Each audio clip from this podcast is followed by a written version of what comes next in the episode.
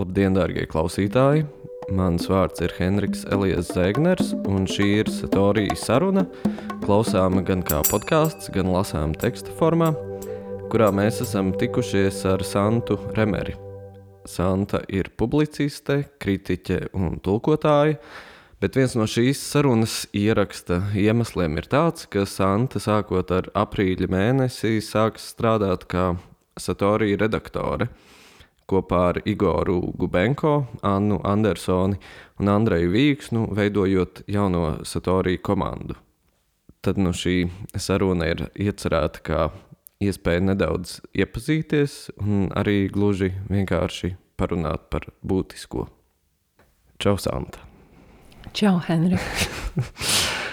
Šodien ir 8. marts, diena, kad mēs ierakstām šo podkāstu, un tu esi nu, pat atnākusi no solidaritātes gājiena.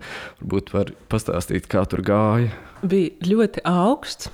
Vispirms bija tā, es atnācu 15 minūtes par āgru un stāvēju pie radio mājas un redzēju daudz operatorus, cilvēkus ar mikrofoniem un kamerām, un gandrīz nevienu sievieti. Un tad es sāku lūkoties cītīgāk apkārt, un gandrīz katrā nišā pie tām senajām ēkām kāda bija apstājusies, mēģinot noslēpties no vēja. Tā aina bija vienkārši skaista. Sniega sniegs, viņš pūta burtiski visos virzienos, un, un katrā nišā slēpās pa sievietēm vai meitenēm, kas uz to brīdi, kad iznāca pirmās ar plakātiem, tad viņas sabira no visurienes, sapulcējās tajā domu laukuma centrā. Tā bija nu, tāda bezvārdu skaista sajūta, kaut kā redzēt, ka neskatoties uz laika apstākļiem, neskatoties uz to, ka tas notiek 11. kad visi strādā, kad visiem patiesībā ir grūti atnākt. Kad mūsu sanāk tik daudz, un tad tur sāk skanēt mūzika, un tā bija šī svētku sajūta.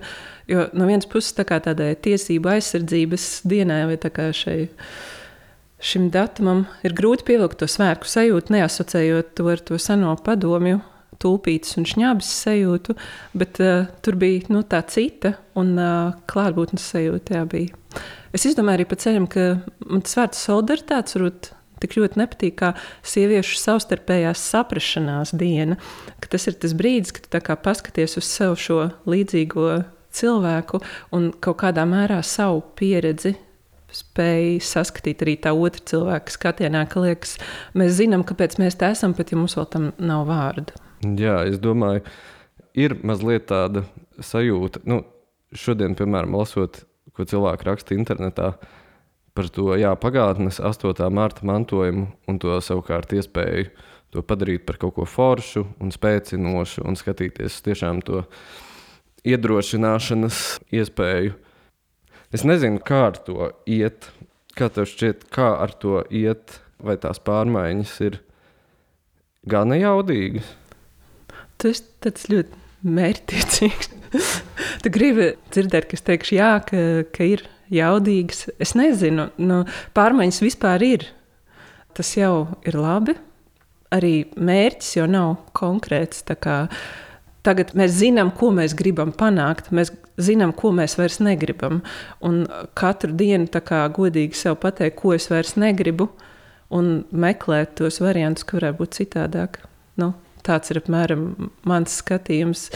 Es nedzīvoju pēc tādiem nospraustiem gala mērķiem, un, kurus par visām varējām panākt. Man liekas, ka katrs solis ir pārbaudāms un, un katrs jautājums ir testējams.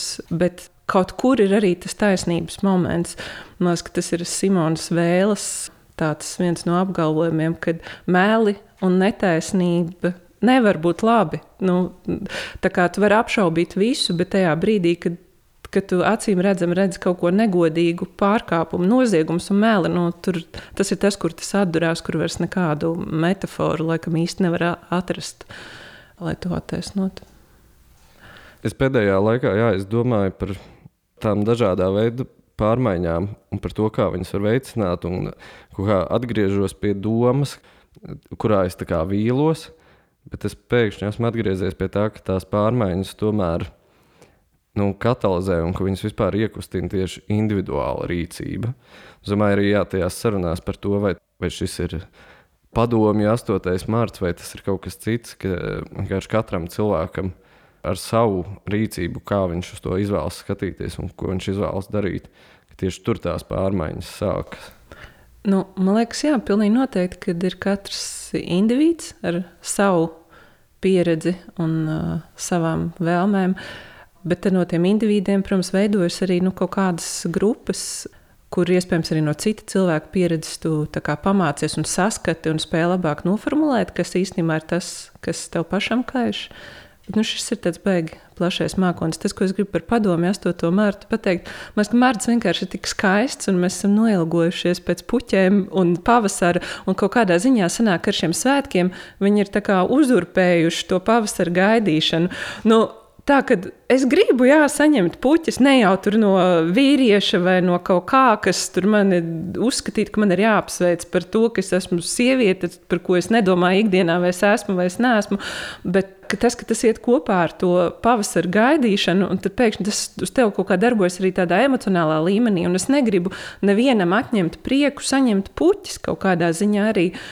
Bet vienmēr padomāt, kāpēc es tās puķis gaidu un kāpēc es viņam kādas sniedzu. Un arī, nu, arī šņābi 8. martā dzert, varbūt ir forši. Kāpēc nē?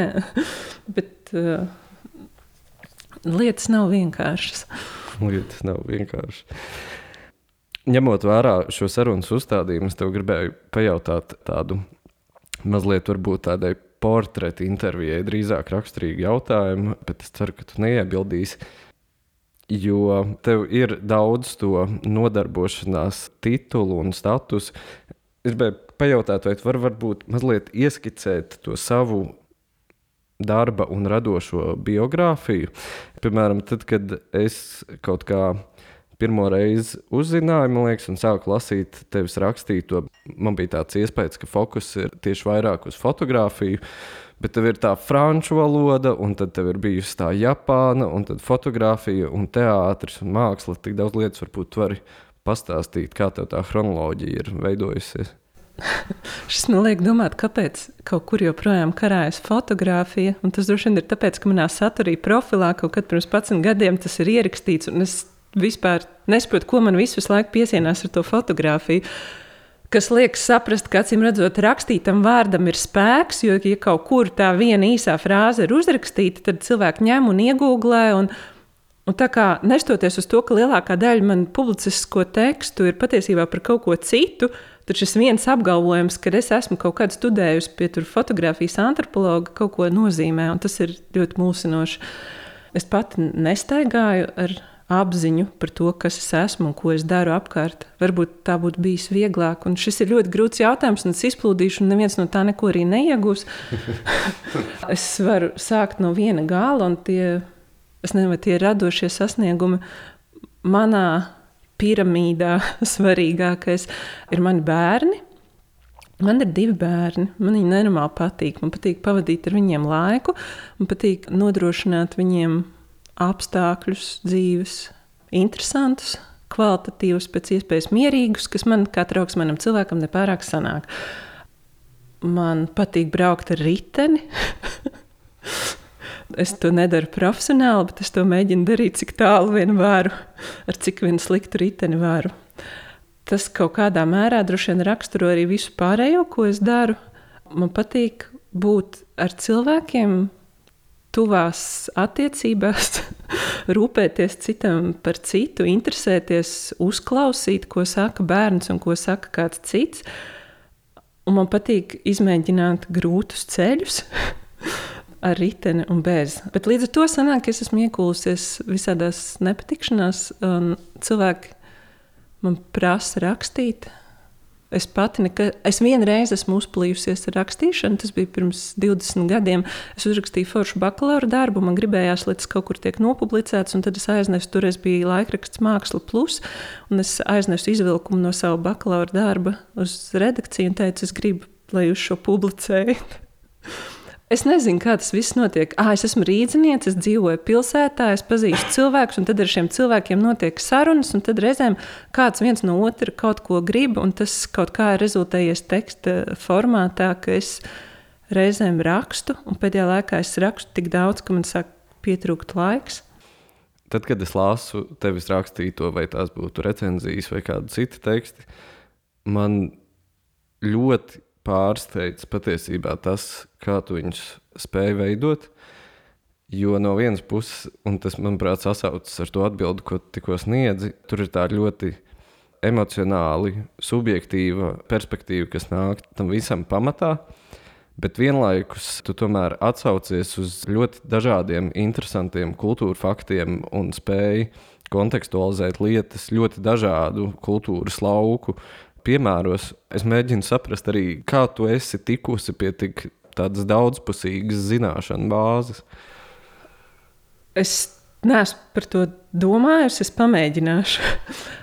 Ap 2000. gadu, tad, kad es beidzu skolu, nāca modē digitālās tehnoloģijas un bija interese arī par starpdisciplinaritāti un visu kaut ko tādu. Un, man liekas, tā vienkārši bija tāda paudze, un plus vērās vaļā robežas. Mēs stājāmies Eiropas Savienībā un bija šī iespēja pamācīties kaut ko ārpus Latvijas un ārpus rāmjiem. Un tas bija tāds hausa brīdis, man liekas, daudziem vienkārši nedomājot, kaut kur nesties. Mana motivācija nesties no Latvijas prom uz Parīzi bija pirmkārt aizbraukt uz Parīzi. Otrkārt, šī ilūzija par kino, ka tur ir tā romantika un tā kino galvaspilsēta, un vēl tā, ka es redzēju fotografiju no tā institūta, kurā es iestājos pēc tam studēt, ka tur ir lielie Macintosh datori ar montāžas programmām, un man tobrīd nebija pat laptopa. Tāpēc man liekas, es arī sanāku iekritu tajā izteiktā starpdisciplinaritātes mākonī, kur tu līdz galam nezini, ko tu gribi, bet tu gribi izmēģināt jaunus komunikācijas veidus. Un sanāk, ka gandrīz visi teorētiskie darbi, ko es savā izglītības gaitā esmu rakstījusi, ir par šo attēla un teksta savietošanos vai nesavietošanos. Un uh, attēls un teksts savā savienojumā attiecas uz ļoti daudzām jomām. Tad tas ir pamatā vis visādiem mēdījiem, bet ar to var skaidrot gleznas, ar to var skaidrot literatūras teoriju, ar to var skaidrot kino, fotografiju, jebko. Tā kā šī viena perspektīva turpināt iztaujāt, kā attēls ar tekstu liekas kopā, vai tas, ko es pieredzu vizuāli. Vai ar kādu citu maņu, kā tas liekas kopā ar vārdu, un vai vārds to nomāca, vai vārds to bagātina. Tā, tā ir bezgalīgs jautājums, ko var uzdot.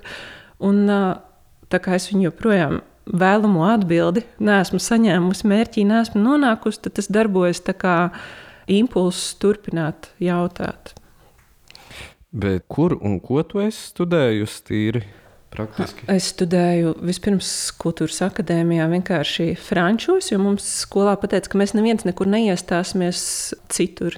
Un tad, kad es kultūras akadēmijā iestājos uz desmitniekiem, sapratu, ka es būtu varējis iestāties jebkur. Uh, Bet man vajadzēja nokļūt arī budžetā, jo man vispār nebija naudas. Tad es pastudēju frančus, līdz ar to es labi zinu franču valodu. Un tad jau kaut kādā trešā kursā es sāku mēģināt iestāties arī kādā no Parīzes skolām, kur franču valoda noderēja. Tad es studēju jā, franču kinoskolā pāris gadus. Tad es mēģināju tikt vislabākajā franču kinoskolā. Gandrīz tiku.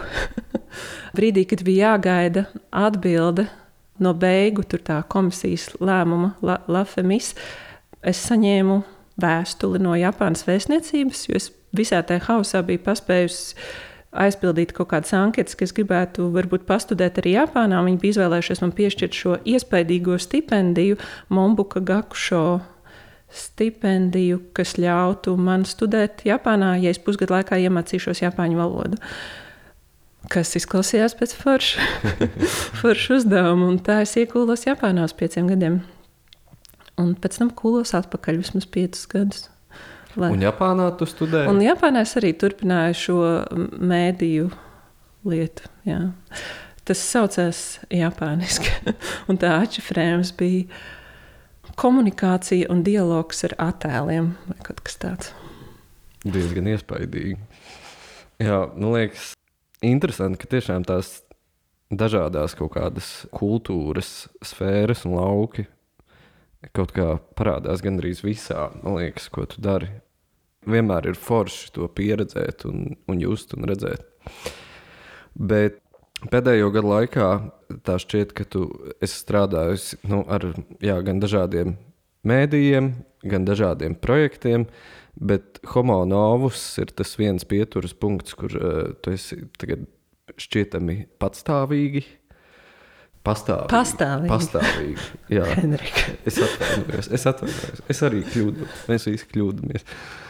Es arī esmu par to rakstījis, bet tas homonovs pēdējo gadu drives. Es eh, runāšu nepareizi šodien, jo šodien ir tāda diena. Un tas um, darbības veids, stils un saturs tiešām ir ļoti aizrāvis un uh, iedvesmojis. Man liekas, iedvesmot ir tāds vārds, kur man ir parasti grūti lietot, jo viņš ir tāds kaut kāds ļoti cakains. Bet uh, tiešām ir tā, ka pēc homonovas festivāliem, gan kopumā, gan pēc atsevišķām izrādēm, ir visādas jaunas idejas un sajūta, ka kaut ko ir iespējams un vērts darīt. Varbūt var pastāstīt jā, par homonovas pieredzi, un, ja mazliet specifiskāk, es domāju, varbūt to varētu noformulēt, kas ir tās vērtības, kas tev homonovas ietvaros, piemēram, šķiet svarīgas? Prieks dzirdēt, ka arī tevi joprojām iedvesmo homonovs, jo tam drīz jau būs 30 gadi šim festivālam. Tas atkal ir garš stāsts, un man atkal ir jāatgriežas senā pagātnē, jo es atkal piederu pie tās paudzes, kas auga kopā ar homonovs, un kam tas bija tas izraušanās lokus un iedvesmošanās brīdis 2000. sākumā. Tajā bija tā bezvārdu pareizības sajūta, ka tas tiešām ir kaut kas svaigs, kas man uzrunā, un kuras jūtos pieņemta, kuras jūtos labi, kuras gribu darboties vienalga, kurā kādā statusā. Spēlēties ar pilsētu visplašākajā nozīmē, ko homonovs, man liekas, joprojām dara.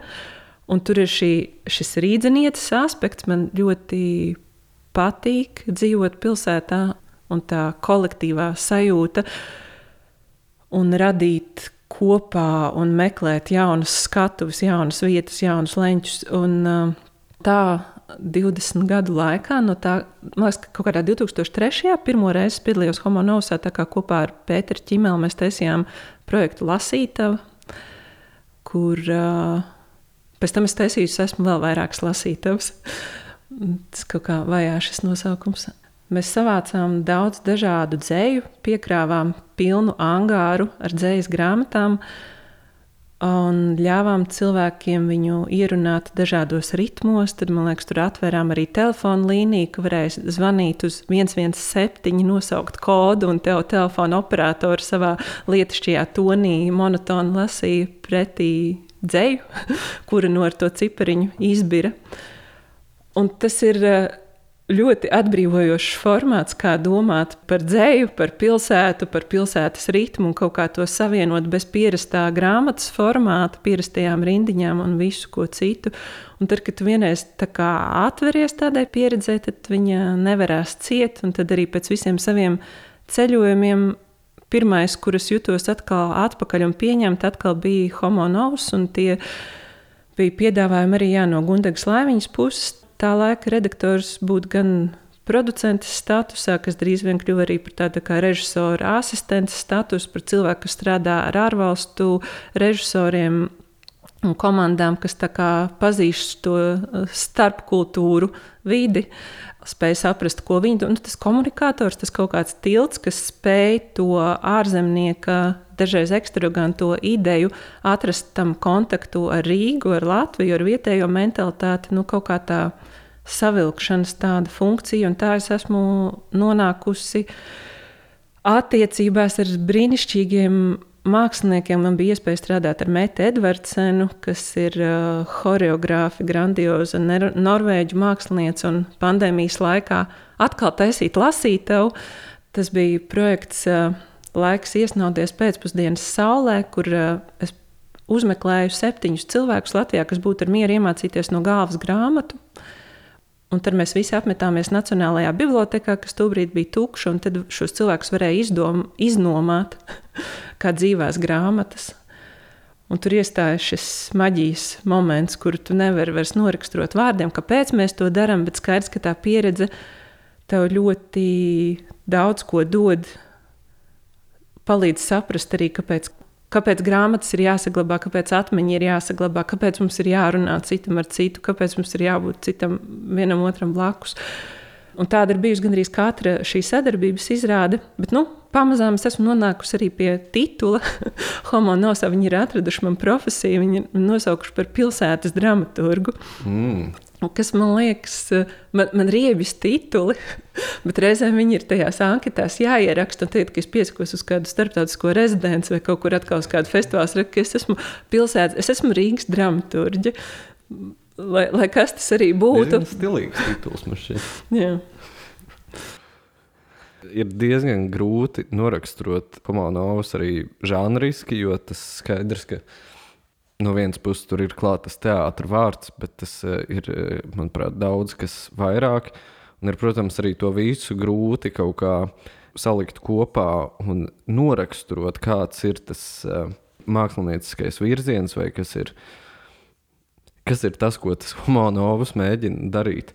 Bet varbūt pamēģināt Es to mēģinu katru gadu, jo tā ir viena no lietām, ko es arī homonosā daru. Es veicu šo skaidrojošo darbu, tā kā es palīdzu gatavot arī mārketinga materiālus, kas palīdzētu saprast, uztvert apmēram, kāda varētu būt tā izrāde, uz kur tu sagatavojies iet un kas festivālā arī tos uzrunas tekstus. Pēdējā laikā mēs ar esošo radošo direktoru Beku esam rakstījuši kopā. Uh, Man šķiet, ka tam ir sakars ar teātri, un tieši tas ir tas, ko katru gadu Homonovs mēģina pateikt, ka teātris nav tikai šis klasiskais teātris slēgtā ēkā, melnajā kastē, ka teātris ir rotaļa, ka teātris ir spēle, un rotaļāties un spēlēties un pieredzēt mākslu kolektīvi kopā mēs varam ļoti dažādos veidos.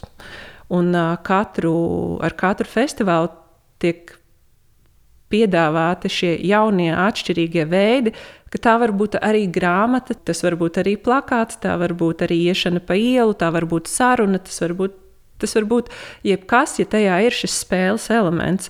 Un uh, vienmēr iztaujāt arī to, kam un kuram ir jāatrodas uz skatuves, un kurš šajā spēlē ir publika, kurš raksta noteikumus un kā šis mehānisms, ko šis teātris eh, ierosina un iedrošina, pēc tam īstenojas, rezonējas plašākā publikā, kā ar eh, šīs kopējās rotaļas un spēles palīdzību, ko mēs nodaram sabiedrībai, sev, kā mēs organizējamies, kā mēs sadzīvojam.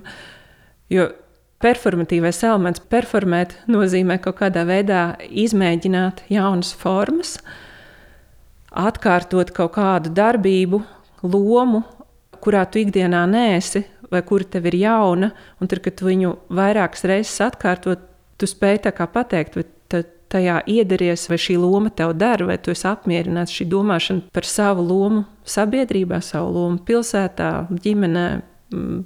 Lomu izmēģināšana. Nu, viss kaut kas tas ir, tas viss ir plašs.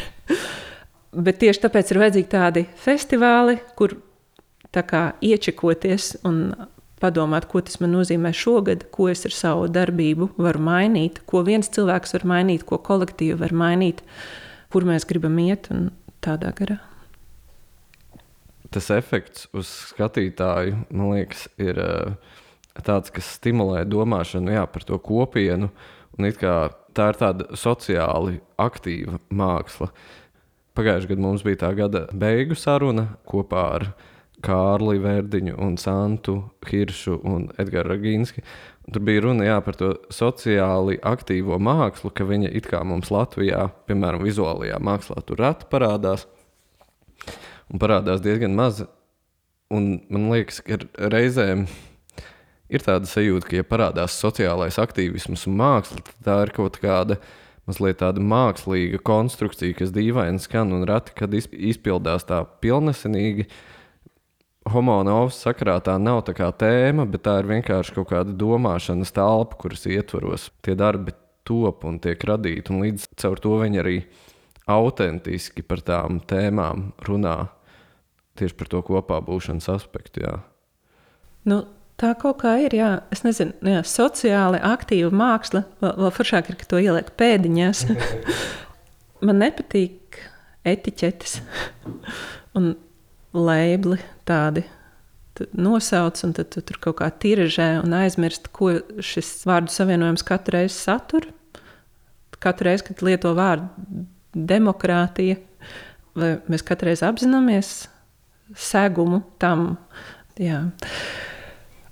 Es nezinu, kas ir sociāli neaktīva māksla. Ir tāda, vienmēr māksla kaut kādā veidā ir aktīva, pat arī tā, ko neatceros, kurš mākslinieks gleznoja priekš eņģeļiem tikai un lika gleznas uz jumta. Nu, tas arī pauž kaut ko, nu, kaut vai tā ir sociāli aktīva māksla, kas darbojas uz eņģeļiem. Viss, kas ier, ierosina sarunu mākslu, vienmēr ir komunikatīva. Nu, protams, tad ir iespēja vēl apspēlēt absolūti nekomunicējošu mākslu, radīt kaut ko izkārt tumsā, palikt vienam pašam, bet katrs, kurš uzzinās par to, ka tu esi sēdējis tumsā ar neredzamu glāzi, nu, tur atkal ir šis komunikācijas moments. Un tas uh, norezonēs kaut kādā sabiedrības grupā. Tāpēc es, es nesaprotu, pat, laikam, kas īsti ir sociāli neaktīva māksla. Melīga māksla. Es nezinu, kas tas ir. es domāju, tas jau ir arī atkarīgs no tā, kas par to runā, kā viņš izvēlas par to runāt. Tur droši vien rodas arī tās pēdiņas un etiķetes. Bet vienlaikus uz šī fona man ir tāda sajūta, ka tev ir. Es iepriekš mēģināju saprast, kā to noformulēt latviešu, jo man gribas teikt, ka tev ir soft spots uz outsideriem. Visu iepriekš teikto ņemot vērā, radies iespējas, ka tev patīk tie outsideri un kaut kādi reizēm nepieņemtie un nesaprastie. Vai es kļūdos tā domājot? Es nezinu, tu šobrīd mainstreamu izraidīji outsēdā. es nezinu, man patīk mainstream mūzika un populāra realitātes šovi. Es nezinu, ko tur tu domā. Man patīk, jā, dažādi cilvēki droši vien. Man jāpadomā. Nu, jā, man patīk outsider, protams. Man, man patīk dažādība. nu, ja visu laiku ir jāskatās uz vienu un to pašu, tas kļūst garlaicīgi un vienveidīgi. Un uh, turpina vienu šīs vienas izceltās grupas diskursu. Un kļūst daudz interesantāk, un vieta kļūst laimīgāka, ja katrs ir pārstāvētāks un mīlētāks. es nezinu. Tas ir diezgan dīvains. Nu, kā var nepatikt outsider? Kam nepatīk outsider? Es domāju, kādiem... ka ir, es domāju, ka ir tādi cilvēki. Jo outsiderisms, man liekas, tā ir jā, iešana varbūt pretī vispār pieņemtajām normām vai nesamierināšanās ar tām, kas tev novada tajā outsider pozīcijā, un līdz ar to tu kaut kā apdraud varbūt to mainstream. Ar to tas mēdz cilvēkus biedēt, es domāju. Bet es iespējams neesmu kaut ko sapratusi kādā posmā. es, es vienkārši nelasu kaut kādus kodus, un nu, es cenšos domāt pati, iztaujāt sevi. Aprunāties par jautājumiem, tā kā izprast to, kas notiek. Man ir grūti pieņemt, ka kāds man pasaka, kas ir svarīgi un kam ir jāsako Es to nesaprotu, es to fundamentāli nesaprotu. Vienkārši. Šis ir tāds nešķīsts gājiens, bet es vienkārši pārlasīju tevis rakstīto recenziju par filmu svārstības. Es atļaušos nolasīt vienu citātu, bet es paskaidrošu pēc tam, kāpēc. Tas citāts skan, filmā aplūkotā problemātika arī uz mani attiecas vairākos līmeņos kā uz līdzcilvēku, kurš ir informēts par cita indivīda netaisnīgu diskrimināciju, kas neizriet no viņa uzvedības, kā uz sievieti, pārstāv no tās sabiedrības grupas, kuras dzimtes piedarība šajā gadījumā kļūst par iemeslu diskriminācijai, kā uz Latvijas pilsoni, kurš ir atkarīgs no valsts pārvaldes mehānisma, kura vērtību pamatā ir kristīgajai baznīcai raksturīgā beznosacījumu pakļaušanās autoritātei. Un es to izlasīju, un es domāju, nu, cik tā ir tāda skaidra un pilnīgi loģiska premisa, kura man arī šķiet pilnīgi pašsaprotama, no kuras arī izriet, teiksim, empātija.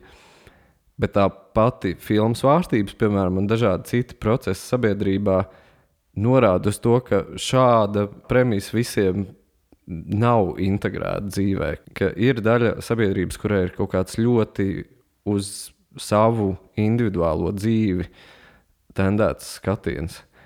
Tas ir diezgan varbūt smags jautājums, bet kā tev šķiet, kas veido to atšķirību šādā griezumā? Kāpēc mēs vai domājam tikai par sevi, vai mēs arī iekļaujam to grupas skatījumu? Tā ir pati filma, arī tā, tas, ko es rakstu recenzijā, tā ir feministiska filma, un tas, ko pārstāv, un tas, kas arī teikts tajā citātā, ir, manuprāt, pieder pie feministiska diskursa. Tas, kas ir vēsturiski ilgstoši noticis gadu simtiem, ka vienas dzimtes pārstāvji ir varējuši vairāk rūpēties par savu dzīves labklājību, un uh, šai sieviešu daļai ir bijis vienkārši mazāk teikšanas. Kāpēc tas ir uh, slikti? Tāpēc, ka tā daļa, kam ir bijis mazāk teikšanas, pati sev nesaprotot, kāpēc bieži vien ir jutusies slikti. Bet vēsture vispār ir tumšs laiks. Tur droši vien daudz cilvēku dažādos posmos ir jutušies slikti.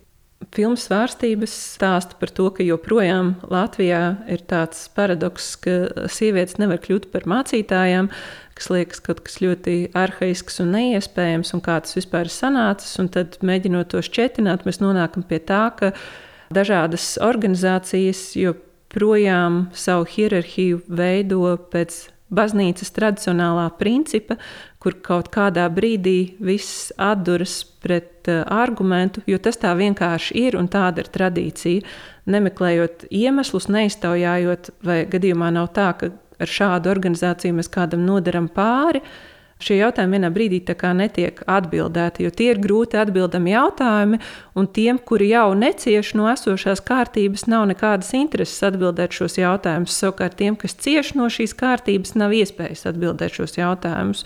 Un tas tā vēsturiski kādu laiku ir pastāvējis, bet tad vienā brīdī ar tehnoloģisko revolūciju un dažādām citādām revolūcijām ir notikusi vispār sabiedrības emancipēšanās. Un, uh, ne tikai izredzēto kārtai ir parādījusies teikšana, bet plašākai sabiedrībai ir parādījusies teikšana, un arī sievietes kaut kā pamazām ir nonākušas pie spējas lasīt, spējas rakstīt, spējas runāt arī savā vārdā.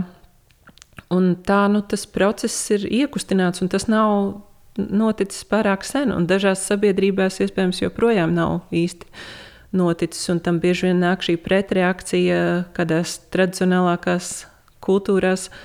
Atkal, piemēram, aizliegt, nedot izglītību sievietēm, nedot izglītību kādam, kurš apdraud kādas citas grupas eh, izredzēto labklājību. Nu, jā, tā ir tāda tā kā cīnīšanās un mēģinājums nodrošināt, lai arī citi jūtas labi, ne tikai pats jūties labi. Un tas, kur man tas saduras, ir. Es nezinu, kā var justies labi, ja tu apkārt redzi, ka citi jūtas slikti, lielā mērā tavas darbības dēļ. Un man šķiet, ka šāda pieredze iespējams ir arī ar vien vairāk cilvēkiem nākus klāt, kad ar kādiem līdzekļiem es esmu sev nodrošinājis to labklājību.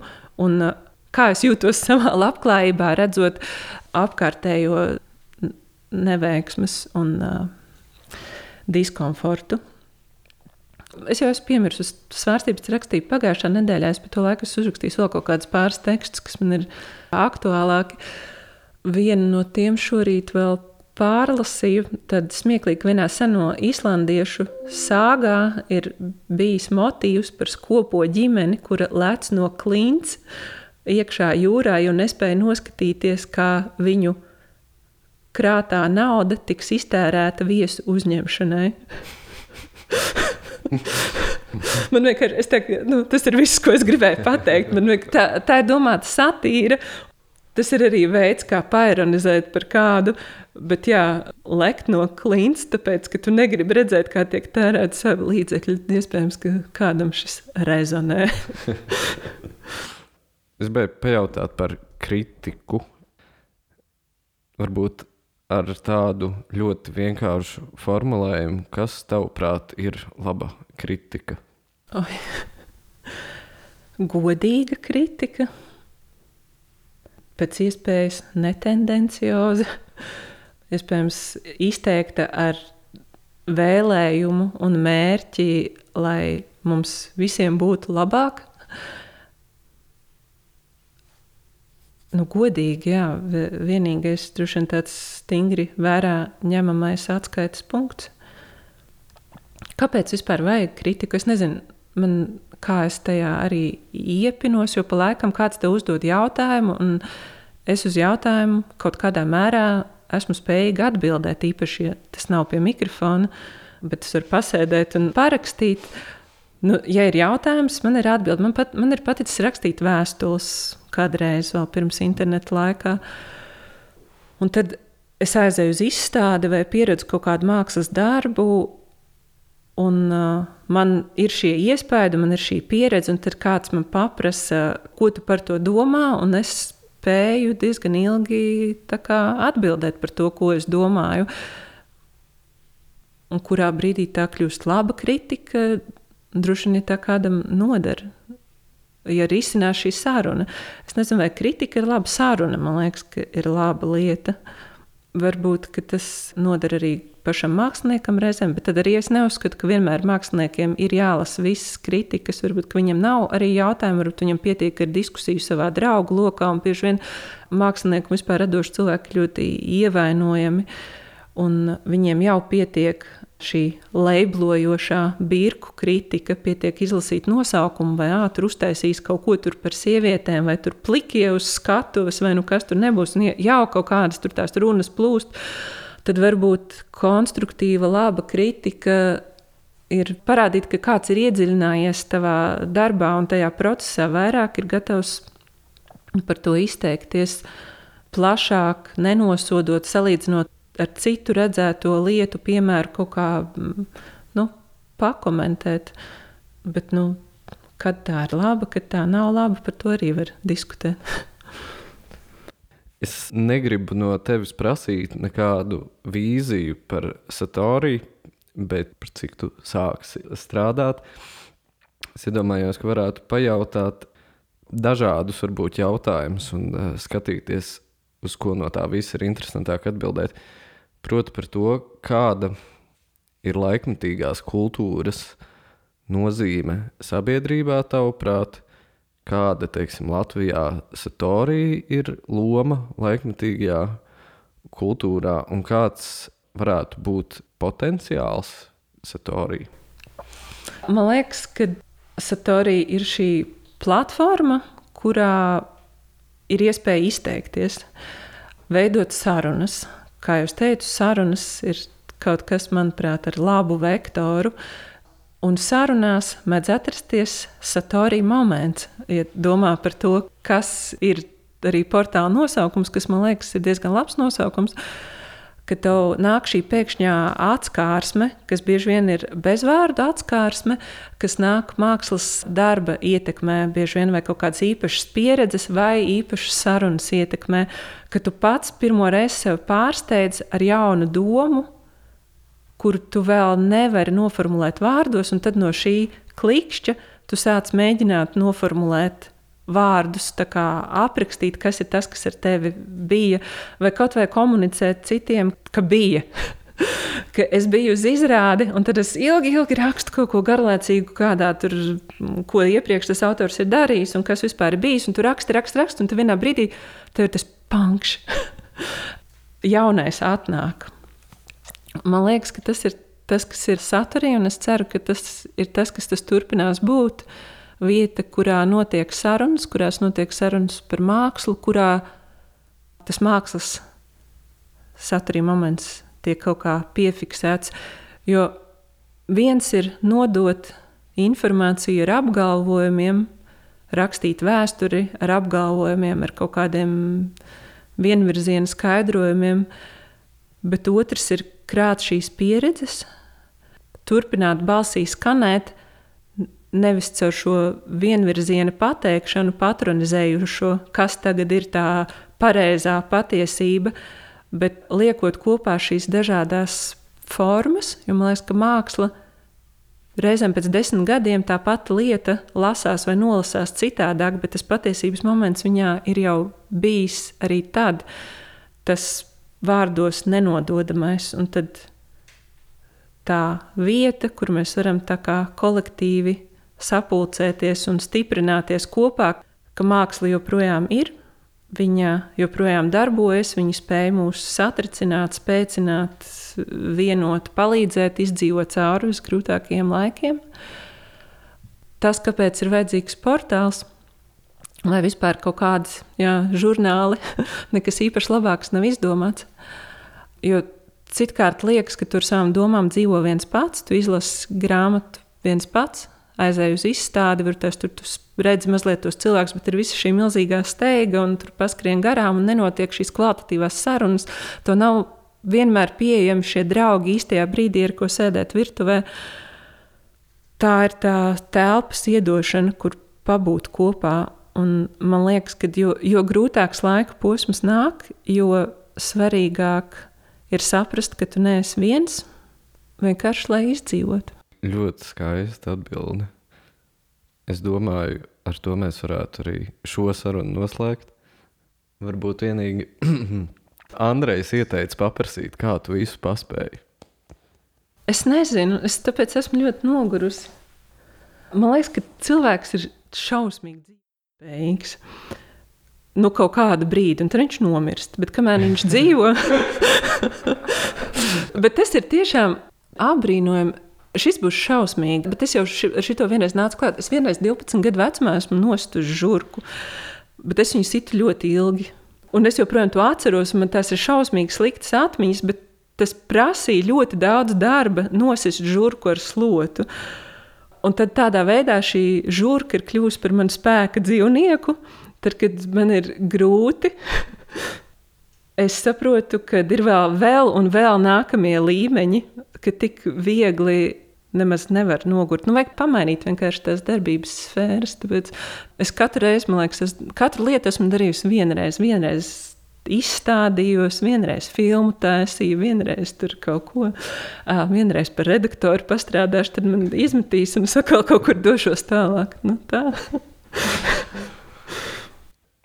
es nezinu, cik ilgi es šodien par to domāju, vai kad tas sākās, tas droši vien bija ar to izstādi arsenālā. Bet tagad aptuveni divus, trīs gadus frāze, kas man visbiežāk skan galvā, laikam svarīgākā frāze mākslā, pie kuras visu laiku iekšēji atgriežos, ir uh, vienkārši tas Blūmberga es nemiršu. Viss. Tu, Tur viss ir. Tu zini, kas ir vienīgā izstāde, kurā es esmu piedalījusies? Es mirstu, es dzīvoju. Super. Es domāju, šis ir perfekts sarunas noslēgums. Mirstam un dzīvojam un nemirstam. Paldies, Santa. Man ir Lūdzu, tiešām Henri. liels, liels prieks, ka tu tagad būsi Satorija un es tev no sirds vēlu veiksmi. Paldies! Paldies, klausītāji! Visu labu!